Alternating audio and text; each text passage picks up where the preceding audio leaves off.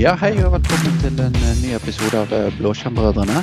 I dag eh, har vi vår faste kvartett med i innspillingen, med Olav, Marius, Pål Erik og meg, Aleksander. Og temaet i dag er kanskje nesten mer politisk enn teknologisk, og vi skal snakke om lokal administratorrettigheter. Det er vel noe som eh, vi alle har et eh, interessant forhold til. Eh, Hva, tenker du, Marius? Du er jo gjerne mest på identitetssiden i skyen. Hvordan tenker du Ja.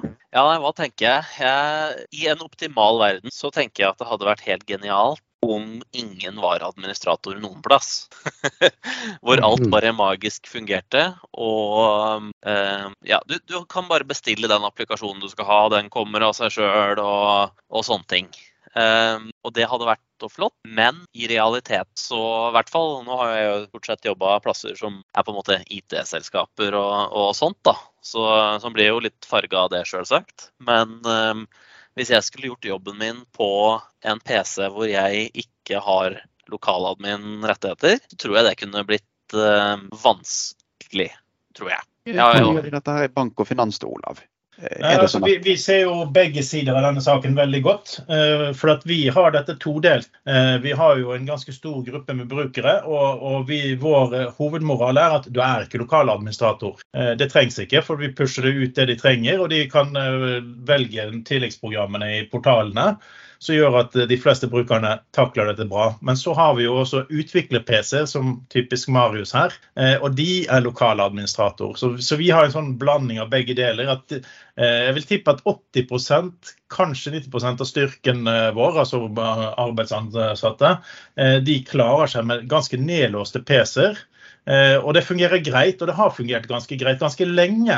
Men så endrer jo verden seg. sant? Eh, For alt gikk bra. Hvis vi går litt tilbake i historien, så var det liksom nei, du skal ikke være administrator. Og så var det liksom ja, men du må være administrator for å få inn printere. OK, så var du administrator for å få inn printere. Eh, og så fant Microsoft ut at dette fikser vi. Sånn at eh, du behøver ikke være administrator for å installere printere eller applikasjoner fra storen og sånne enkle ting. Og det har fungert bra. Eh, og, og så plutselig så hadde vi jo den siste hacken mot eh, printerspolen som gjorde at nei, nå må du være administrator for å installere printer igjen. Hvis ikke så må du ha ganske heftig gruppepolicyer for å styre alle printerne brukerne dine kan finne på å installere hjemme for å få utskrift. Ja. Men, men du kan jo bare installere alle printerdrivere. Ja, ikke sant? Ja, jeg tenker, Det er jo nesten fristende ikke sant, å gjøre det på den måten. og Vi har jo i mange år snakket om Universal Printer Driver, eh, som fungerer nesten bra på alt, men bare nesten. Ja. Ja, for dette Jeg er jo tenker i sånn hvert fall ting du at, stoler eh, på, Pål. Jeg, jeg tenker at det er litt sånn Vi syns det er gøy og praktisk og greit å være lokaladmin, vi som driver med dette her. Og så er det litt sånn slitsomt å ikke være der.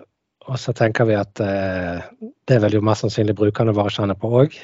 Men jeg, for min del så er det litt eh, avhengig av hvilken rolle du har og hva du ønsker å gjøre. En bruker som sitter og jobber i et eller annet fagsystem og gjør det dag ut og dag inn, ser jeg ingen grunn for skal ha lokaladmin. Enig. Eh, Mens, mens en IT-medarbeider av et eller annet slag, som gjerne installerer nye verktøy og ting og tang hele tiden og har behov for det, de kan være lokaladmin. Men jeg, jeg henger litt igjen i den gode gamle at eh, når det gjelder brukere som ikke har eh, spesielt mye IT-kunnskap f.eks., så er det en måte å beskytte dem på. Mm.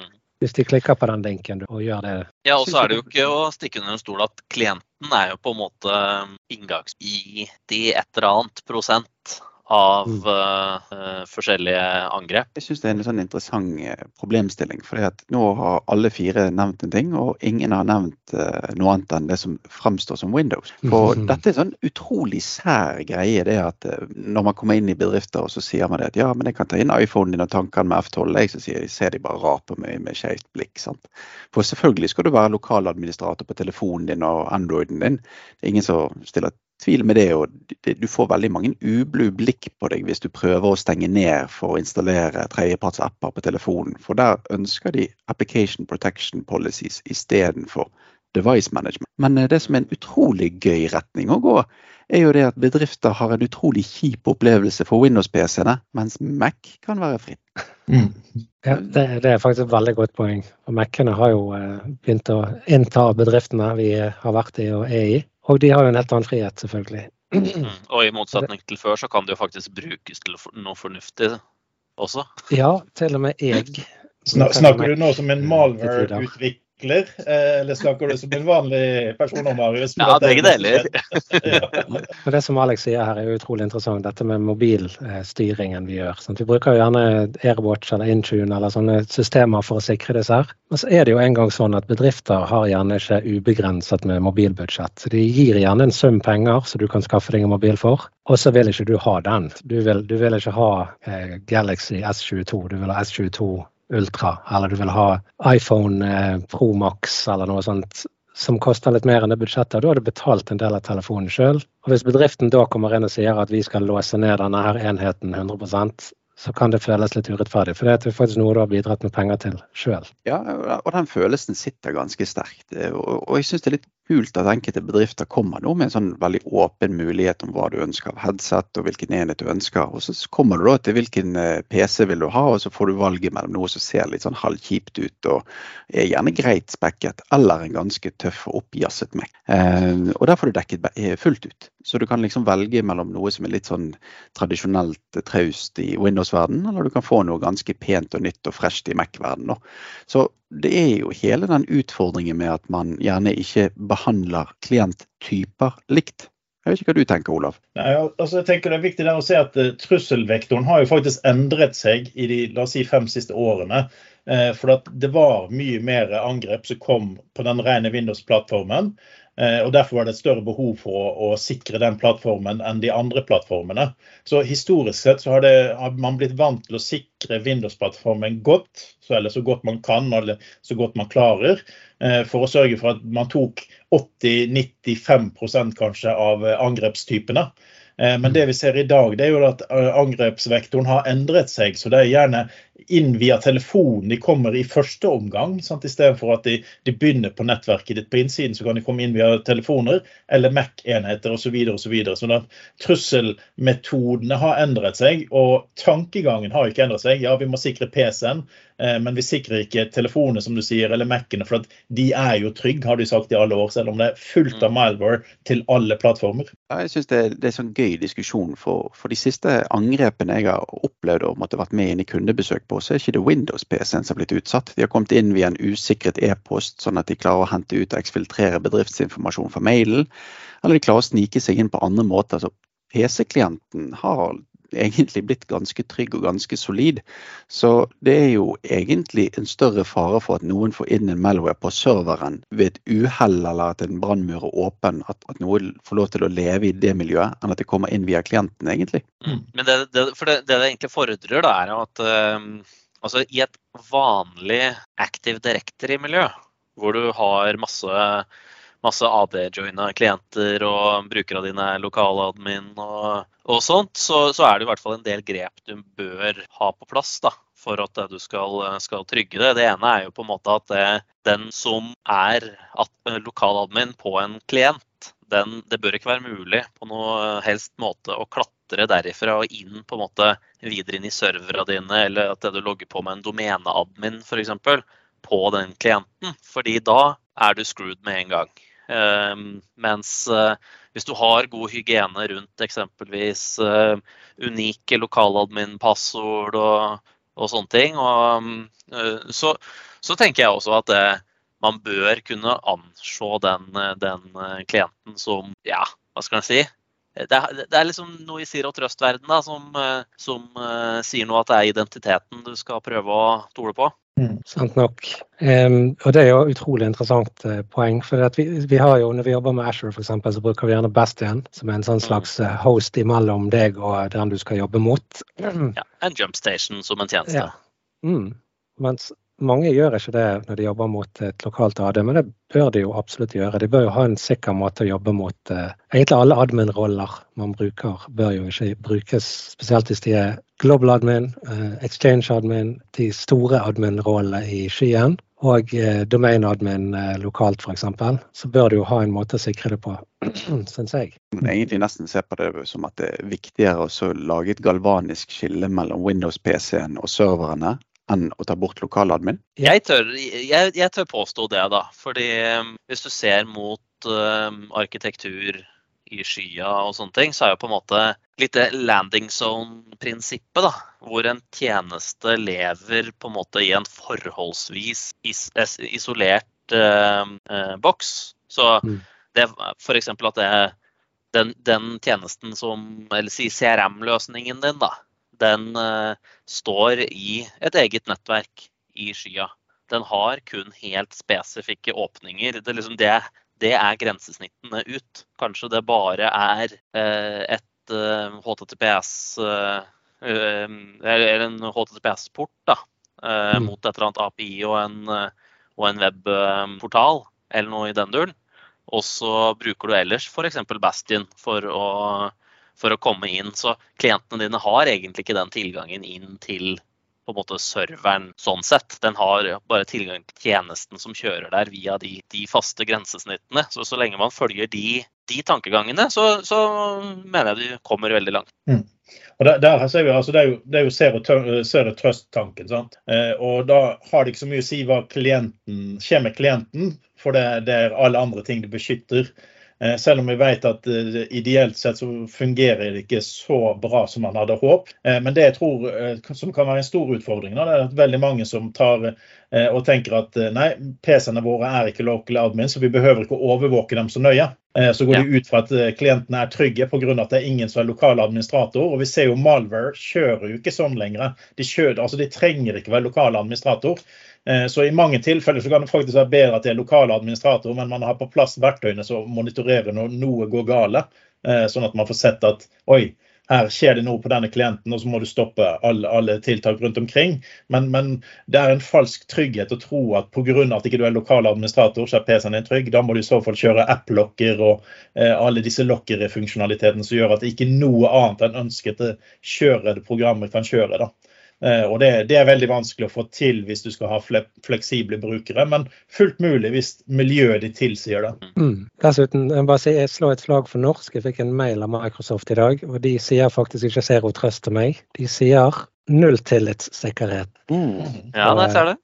Ja, så det, men, men uh, veldig gode poenger. Og det, det når vi, når vi, da tenker sikkerhet på klienten, så er det ingen som nå lenger tenker at eh, hvis du ikke har lokaladmin, har 4300 group policies som sikrer deg, så er du trygg. Sant? For det, som, som, nevnt, vi har andre devices, vi har andre måter å nå ting på. Og der kommer jo den eh, totale sikkerheten inn i bildet. Sant? Har du en god eh, Defender for endpoints er jo, slår vi av og til et slag for. Sant? Har du eh, ting i Asher, så er det veldig lett å tenke at eh, der har vi veldig mye ekstra tilleggssikkerhet som machine learning og eh, artificial intelligence og ting som, som, løser mye for oss. Bruker vi AD, så har vi gjerne identity, eh, Defender for identity. Sant? Masse sånne ting vi kan integrere, så vi kan analysere trafikken, stoppe en del angrep som, som er vanlige. Og Der har du sikkert noe å komme Olav? Ja, jeg, tenker jo, Hvis vi trekker oss litt tilbake til klient, eh, så, så, må vi faktisk tenke på at det er lett å si at nei, Windows er et gammelt operativsystem. Det har fungert siden 1991 som et Windows-operativsystem, altså gjerne litt før i de tidligste versjonene. Eh, men jeg, jeg, vil jo faktisk tørre å si at hvis vi skal ha et moderne OS for skyen, så er faktisk Windows 11 det første. Eh, som har da tatt høyde for alt som skjer i skyen, og blitt kvitt litt legacy. Eh, og det vi ser det er at Siden Windows 11 da er helt ferskt og nytt, så ser vi at de har strategier og tanker som er på vei. altså Vi ser det både i insiderbildet og i andre ting. Men jeg vil fremheve en funksjonalitet som fra langt fra er god nok nå, men er, som jeg tror at kommer til å være på vei til at ikke behøver å være lokaladministrator, og det er Winget. Sant? Du kan bruke Winget til å installere en applikasjon med Winget install og så minus navnet på applikasjonen, så er du der. Eller du kan faktisk bruke Win, Winget upgrade eh, slash slash all, så vil han oppgradere alle de han klarer å oppgradere. Men dessverre så må du være lokaladministrator for å kjøre den. Så det er litt sånn Windows update-funksjonalitet. Eh, men han er ikke helt der ennå. Så jeg tror at hvis vi kommer oss inn i den banen, og den, den, Microsoft har jobbet med i mange år for å komme seg inn i den banen, at de kan faktisk patche så mye som mulig av det du har på systemet ditt. Og det er det som må til. For det er jo ikke OS-ene nødvendigvis som er sikkerhetssvakheten så lenge du kjører et patchet system. Det er alt annet som du har på boksen din. Jeg syns det er kjempe kjempegodt poeng, Olav. For mange her er det som ikke har en litt for utdatert versjon av Adobe Reader eller en annen eh, nettleser som ikke har vært oppdatert på noen uker. Så, så, så, det er liksom et hessel å oppdatere programvare, da. Men vi vet jo det de utgjør jo en moderat til stor sikkerhetstrussel der ute. Og for ikke snakke om ting vi har nevnt før, dette med gjenbruk av passord. At du er nødt til å huske hvilke passord du brukte på de forskjellige tjenestene for å laste ned applikasjonen. Sant? Skal du inn og hente ned en ny versjon av Adobe, må du logge inn, laste ned installeren. Lokaladmin er jo det minste problemet du har. Det er jo egentlig hvordan skal du få logge deg inn på tjenesten uten passwordless? Ja, pluss, men, men, pluss at det, det, er jo veldig mange applikasjoner nå som uh, ikke installerer på en måte på PC-en, kall det globalt. Den, uh, den installeres i brukerprofilen din. Så når jeg ser på min, mine egne applikasjoner som jeg har kjørende nå, da, Teams, Slack, Office til og med, Spotify. Visual Studio Code, Spotify, ja. Netflix. Alle, alle de er jo applikasjoner som jeg kan installere uten administratorrettigheter, mm. faktisk. Så um, det er jo ikke det at du trenger Altså du har jo også da user account-kontroll og på en måte den biten med at du får ikke bare kjørt ting som admin sjøl om du er admin heller. Så det er, det er, jo gjort, og det er jo ikke akkurat en ny funksjon. Da var det Windows, nei, Windows, når Windows XP den kom, ikke sant? Mm. Ja, det tror jeg det var. Ja, Servicepack 3-verden. Og så har det blitt foredlet fremover, sånn at man ser at det er mindre altså Det var vel i, var ikke det Servicepack 3 som faktisk implementerte det at du, du ikke måtte være administrator for print, hvis jeg husker riktig også. Så, så, da begynte det å skje veldig mye rundt den local admin-behovet. da, At de gikk bort fra den. Og det er jo som uh, egentlig Alexander påpekte her, det, at det er jo den eh, need for applications eh, som gjør at man må være lokaladministrator. Mm. Og som det Marius sier, det er at det er ikke sikkert det er nødvendig. Og da begynner vi å få den balansen at hvilke applikasjoner skal være hvor. og Det er jo derfor Microsoft har prøvd å få aktiviteter i storen sin, sånn at alt kan komme fra storen. Men det har ikke lykkes med det. For kommer det fra storen, så er det enklere. Hva skjer med den storen, Alex? Ja, men Jeg syns det er veldig gøy at du nevnte det, Olav. fordi at uh, Storen betyr kanskje at du kan bli kvitt lokaladmin, men kan man egentlig truste contentet der? For det er jo det samme utfordringen utfordringer vi har på Android osv. Så, så, så man må fortsatt ha et eh, sikkerhetsregime rundt det å skanne antivirus og ha sikkerhetspå. Så det å bli kvitt lokaladmin er jo igjen dette her lille sånn ikke falsketryggheten, men du fjerner bare én av mange mm. sikkerhetslag. Så lokaladmin ikke lokaladmin, det er egentlig bare én av veldig mange tiltak du er nødt til å ta stilling til ut ifra det brukerne dine har behov for uansett. Mm, men der, kommer jo Storen med to store fordeler. Eh, fordel nummer én det er det at hvis det er en godt drevet store, og storene har begynt å bli godt drevet, altså ikke hvis du ser historisk på det, men selv Android-ståren, altså Google Play, eh, er nå ganske nøye på det som slipper inn i forhold til hva de var tidligere. Så en fordel er jo det at det, det blir en, altså det blir en, eh, en, lokal verifisering fra et større firma om appene er OK, og det blir lettere å ekskludere dem. Og ikke minst, mm. det viktigste her er jo at det er et sentralt oppgraderingssted. Mm. Det er kanskje den største fordelen. Og, og du nevner dette her med at du skal få en validering fra et selskap, om det er Google, Apple eller Microsoft. Det er jo kjempeviktig. For hvem av oss har ikke sett en PC der 80% av skjermen var fylt med search toolbars i Internet Explorer? Eh, så bare det, også, bare det, å bli kvitt den type utfordringer er jo kjempeviktig. Eh, jeg vet ikke, hvor smått har du hatt uh, internettleseren din, uh, Pål? Jo, det, det, har vært veldig lite. Men, men det, det, står for business. Ikke det sånn at han er på vei ut, f.eks.?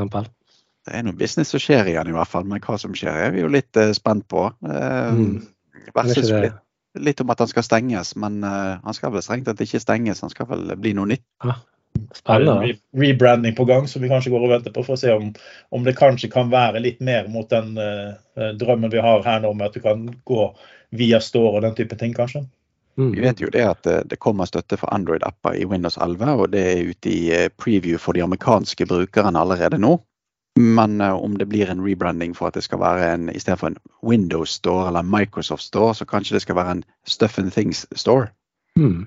Ja, Det blir jo veldig spennende. Ja. Hva ville du hatt i den storen, eh, Marius? Pizzaleveranse? Ja, hvis jeg kan bestille både Visual Studio Code og pizza på samme sted, så hadde det vært optimalt, tenker jeg. Ja, ja. Vi ser jo det at i, den eksisterende storen så kan jo du bestille deg både Xbox og Surface og headset. Um, så det er jo selvfølgelig litt sånn varianter av maskinvare i dag allerede. Ja, altså, Bladskjermbrødrene er jo kjent for å være på eh, vi, vi, er jo veldig støttende i forhold til IT-miljøet rundt i Norge. Sitter vi her nå og sier at vi vil at maskinene deres skal låses ned, og de skal ikke få lov til å gjøre noe som helst, egentlig? Er det sånn vi er blitt? Jeg, jeg, Nei, jeg føler at vi er ganske pragmatiske her, ja. Mm, det hørtes ikke ut til oss.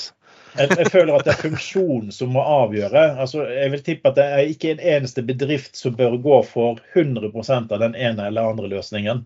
For det vil mm. alltid være behov for unntak. Om unntaket ditt er at noen må være låst ned, for du har få som krever det, men du vil alltid ha noen. Eller om unntaket er at du har noen som faktisk får lov å være åpen. Så må man finne den balansen om hvor det er best å ligge seg. For det, det, det er ingen jo, det kan jo selvfølgelig være en sånn tomannsbedrift et eller annet sted som kan si at vi må være lokale administrator begge to. Sant? men eh, ellers er det ikke så lett å bare si det ene eller det andre. Men det er fordeler og ulemper med begge deler. Men vær klar over at du kan ikke si at pga. at mine brukere ikke er lokale administratorer, administrator, så har vi sikret systemet. Det går ikke an. Ja, Vi har jo en del sånne servicer som sånn, så overvåkning av eh, gjenvinningsanlegg og altså klimaanlegg i bedrifter, sånn SD-anlegg og veldig mange sånne sære applikasjoner som kjører. og Da er det veldig viktig at du vet at i point in time så virker systemene, og der er det veldig lite som skal endres, annet enn nødvendigvis patching av den ene applikasjonen samt Windows. Og Der kan det gjerne være veldig god grunn til å ikke ha lokal admin, for det skal ingenting mer inn på den. Og hvis du mot formodning skal oppdatere den ene unike applikasjonen som kjører, ja, så er det gjerne en administrator som faktisk skal ta og gjøre det. Så det er mange enkeltsystemer som gir veldig god mening å ikke være lokal administrator på. Problemet bare mm. hva, du, eh, hva skjer hvis eh, om Bodil i lunsjstripene plutselig ikke får lov til å legge kabalen sin for hun ikke er lokaladministrator lenger. Mm. Jeg, jeg vet de jobbet ganske lenge for en stund tilbake med, med en wipe and load Windows-versjon. Eh, som egentlig var laget sånn at hver gang du slo den på, så var det en nyinstallert Windows ferdig patchet med de siste patchene. Eh, og da der, snakker vi egentlig akkurat om det du snakker om. Det er PC-er som har visse roller som skal stå visse steder, f.eks. kiosk-PC-er eller resepsjon, eller hvem som helst kan bruke dem. Eh, så var det faktisk at de ble, ble, ble vipet hver natt, og så var de helt clean install på morgenen. Og Det, det er en tanke jeg liker veldig godt med, med det du ikke har 100% kontroll over, men det må være på et på det nivået? Jeg lurer faktisk på om det var noe som eh, jeg snublet borti i gamle Windows XP-tider. Der det var noe som, hvis jeg ikke husker feil, så kanskje det var noe som het Moonscape. Og hele essensen bak den var det at du installerte et referanseimage på PC-en. Og for hver gang PC-en ble rebootet, så forsvant alt som var blitt gjort på toppen. Og det var veldig populært på skoler. Sånn at man mm. hadde et økosystem i bunnen, og så kunne man patche core imaget ved behov, men maskinen så identisk ut ved hver oppstart. Så jeg vet ikke, Har du vært borti noe sånne månelandskap før, Pål? Jeg har faktisk vært borti noe lignende det du sier, en skoleinstallasjon. Men jeg satt akkurat og tenkte på, er det, er det, litt av problemet det at vi er litt for menneskelige? At når vi får en ny PC, så har vi lyst til å legge inn bakgrunnsbilde av katten vår og få inn akkurat de applikasjonene vi liker og sette opp skjermen akkurat sånn og sånn. Er det det ødelegger det litt for oss av og til. Burde vi hatt et mer upersonlig forhold til maskinen? At den er et jobbverktøy, og den skal være ja, mm. trygg. Ja, vil, altså det, det, jeg føler jo liksom at hvis du, sånn som meg, da, um, har det som ditt eneste jobbeverktøy, og du skal sitte med det, altså det, Alt skal være på en måte helt sånn uh, operasjonssal-type clean. Ikke sant? Mm. At jeg, nå må jeg innrømme at jeg har ikke jeg vet ikke hva jeg har som bakgrunn engang. For det er så mye vinduer oppå den at det spiller ingen rolle. Men, eh, men uh, hvis jeg på en måte ikke skal kunne tilpasse, bruke den nettleseren jeg ønsker og, og sånne ting, så blir det Det går litt utover humøret, tror jeg. Jo, men, men, du ser jo sjelden at snekkeren modifiserer hammeren sin, liksom. Ja, men Han bruker jo gjerne den hammeren som han liker, da. Mm. Ja. Ja og, og, jeg synes det, men, men, her har du plutselig fått, fått en sånn tre i én-utfordring på det du nevner her, både Pål og Marius. for det at Se for deg, vi har, vi har, allerede stiftet godt bekjentskap med katten til Olav, Sissi, i tidligere podkastinnspillinger. Det er den fjerde broren, det, selv om det er en søster. Ja, så, så, essensen er jo liksom sånn det at Femte blir det selvfølgelig. Det, det å ha katten til Olav som skrivebordsbakgrunn, så kan man jo anta det at det er passordet til Olav også, i mange tilfeller. Så plutselig så blir skrivebordsbakgrunnen din eller skjermspareren din en sikkerhetstrussel. Og den andre utfordringen er jo litt sånn som du påpeker, Pål. Vil vi personalifisere PC-en vår? Og svaret er jo ofte ja. Men det problematiske er jo det at hvis du velger å låse ned PC-en sånn at du ikke har muligheten til å gjøre den din, så velger du å bruke iPhonen din, for den kan du gjøre det med. Og så har du oppnådd mm. Shadow IT. Men nå er jeg litt sjokkert over at du sitter med en global admin-passord. Den eh, utlyser du til alle. Jeg er i hvert fall glad at ikke du nevnte at katten er nå 19 år, sånn at de kan finne ut hvilke tall jeg har brukt i kombinasjonen her. Ja, men det er, jeg, jeg, tror det at de brukerne som kommer til en arbeidshverdag der alt er låst helt ned, og de har enormt mange group policies, og det er så vidt de kan eh, klikke på et sted på skjermen uten at de får nei, det får ikke lov til. Jeg tror ikke det skaper trivsel i arbeidshverdagen. Eller det blir også fake sikkerhet, sant? for at de bruker andre verktøy istedenfor for å gjøre de jobbene sine. Mm. Det er vi jo skjønt enig sant? Tenker vi politi, forsvar, helse, kjernesystemer, det gir mer mening å låse ned fordi du er nødt til å ha et stabilt driftsmiljø og homogenitet.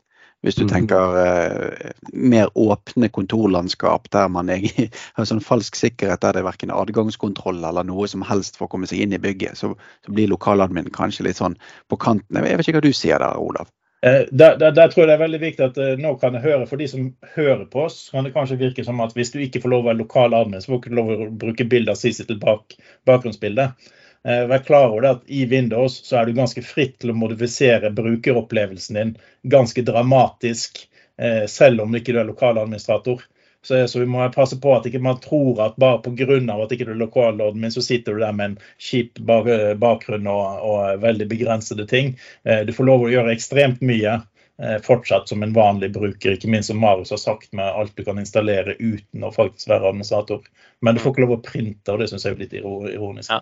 Nei, Jeg tenkte mer i, forhold til den biten med om du har PC som resetter seg hver dag, og liksom mm. hele den, den, opplevelsen der, da. Um, litt sånn, kall det tynnklient-tankegang ja. også, ikke sant? Hvor det du på en måte du har egentlig bare en skjerm hvor du taster inn et brukernavn og passord og kanskje helst en multifaktorautentisering. Det har jeg vel til gode å se på en tynnklient, men det er den også.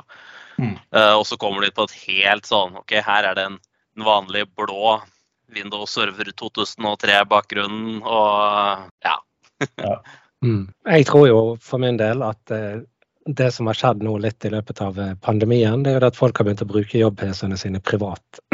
og det tror jeg er en uting. Jeg tror, jeg tror det er veldig viktig å tenke at dette er mitt jobbverktøy. Skal jeg sitte og spille CS eller et eller annet sånt på kvelden, så skal jeg ha en egen PC til det. For Det er òg et sikkerhetshull hvis du driver og bruker den veldig mye til private ting. Så jeg tror, jeg tror egentlig de fleste arbeidsgivere burde sagt at dette er ditt verktøy. Selvfølgelig skal du få lov til å gå inn på VG eller NRK eller hva du vil og se nyhetene, det er ikke det jeg sier. Men du skal ikke bruke den som en privat enhet. Det mener jeg. Vi har sett historiske bevis eh, eh, på det der hvor folk faktisk med ganske høye tilganger har gitt PC-en sin til barna for at de skal sitte og underholde seg på hytten. Og det har gått mm. alvorlig gale. Så, så. Ja, jeg, jeg syns det er et veldig godt poeng. Og, og som du sjøl sier, Olav, vi hadde jo en, en case der um, For å snu litt på flisen, da, så, så opplevde jo man dette her med andre enheter. Så hvis man stenger ned og bruker PC-en til jobb og mindre privat, så hadde vi jo en case der Microsoft selv gikk ut og fortalte om en multifaktor incident. Der en eh, forelder hadde gitt eh, telefonen sin til barnet, og barnet satt og så på YouTube, og plutselig kom det opp en multifaktor-autentiseringsspørsmål fra en ondsinnet aktør, og barnet sier ja da. Eh, så plutselig så har man egentlig gitt bort en i utgangspunktet nedlåst device til noen som ikke har tilgang på den, som da har gitt tilgang til andre systemer. Så mm. plutselig så fikk de en kjempesikkerhetsutfordring som ikke hadde noen ting med lokaladmin å gjøre i utgangspunktet. Jeg, jeg, jeg, lekte jo litt med den tanken her, da, Marius. Du nevnte dette med tynnklient og VDI-er og Windows 365 og sånt. Kunne man egentlig sagt at man skal være lokaladmin, men man skal ikke være skyadmin? Så instansen og VDI-ene dine skal du ikke være admin på, men lokal på PC-en skal du ha lov? Ja, altså det kan jo helt klart være en, eh, være en god tanke, det, med, på, på mange typer tjenester. Um, det er jo på en måte en altså du, du, har jo hatt litt sånn både virtual altså virtual desktop har du jo hatt kjempelenge, i den form av at du har kanskje sett det, kalt det for terminalserver. da.